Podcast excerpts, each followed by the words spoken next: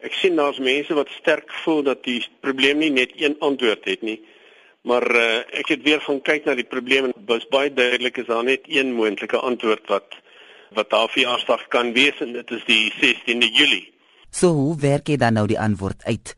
Daar's 10 datums en wat nou in oor 4 maande versprei is. By elke maand is daar meer as een datum. Albert weet wat die maand is en Bernard weet wat die dag is. Dit beteken dat Bernard al kry 'n uh, datum, dan weet hy nie in watter maand dit is nie, maar nou sê Albert Bernard weet beslis nie. Nou as dit in Mei of Junie was, dan kon Albert nie hierdie stelling maak nie want die 18de en die 19de Mei en die 18de Junie is die enigste voorkomste van 18 en 19.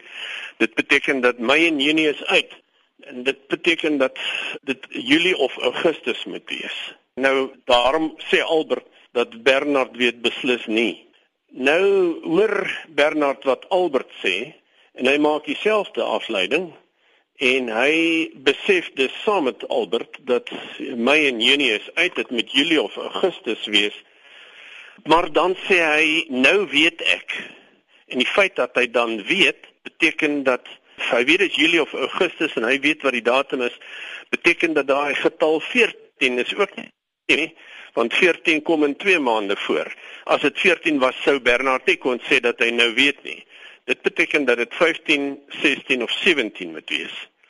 Omdat Albert weer hoor wat Bernard sê, Bernard sê nou weet hy besef hy dat die enigste moontlikheid moet wees die 16de want anderster as dit 15 of 17 was dan sou Bernard nog nie geweet het nie want dan is dit Augustus en dit beteken dat dit die 16de Julie moet wees.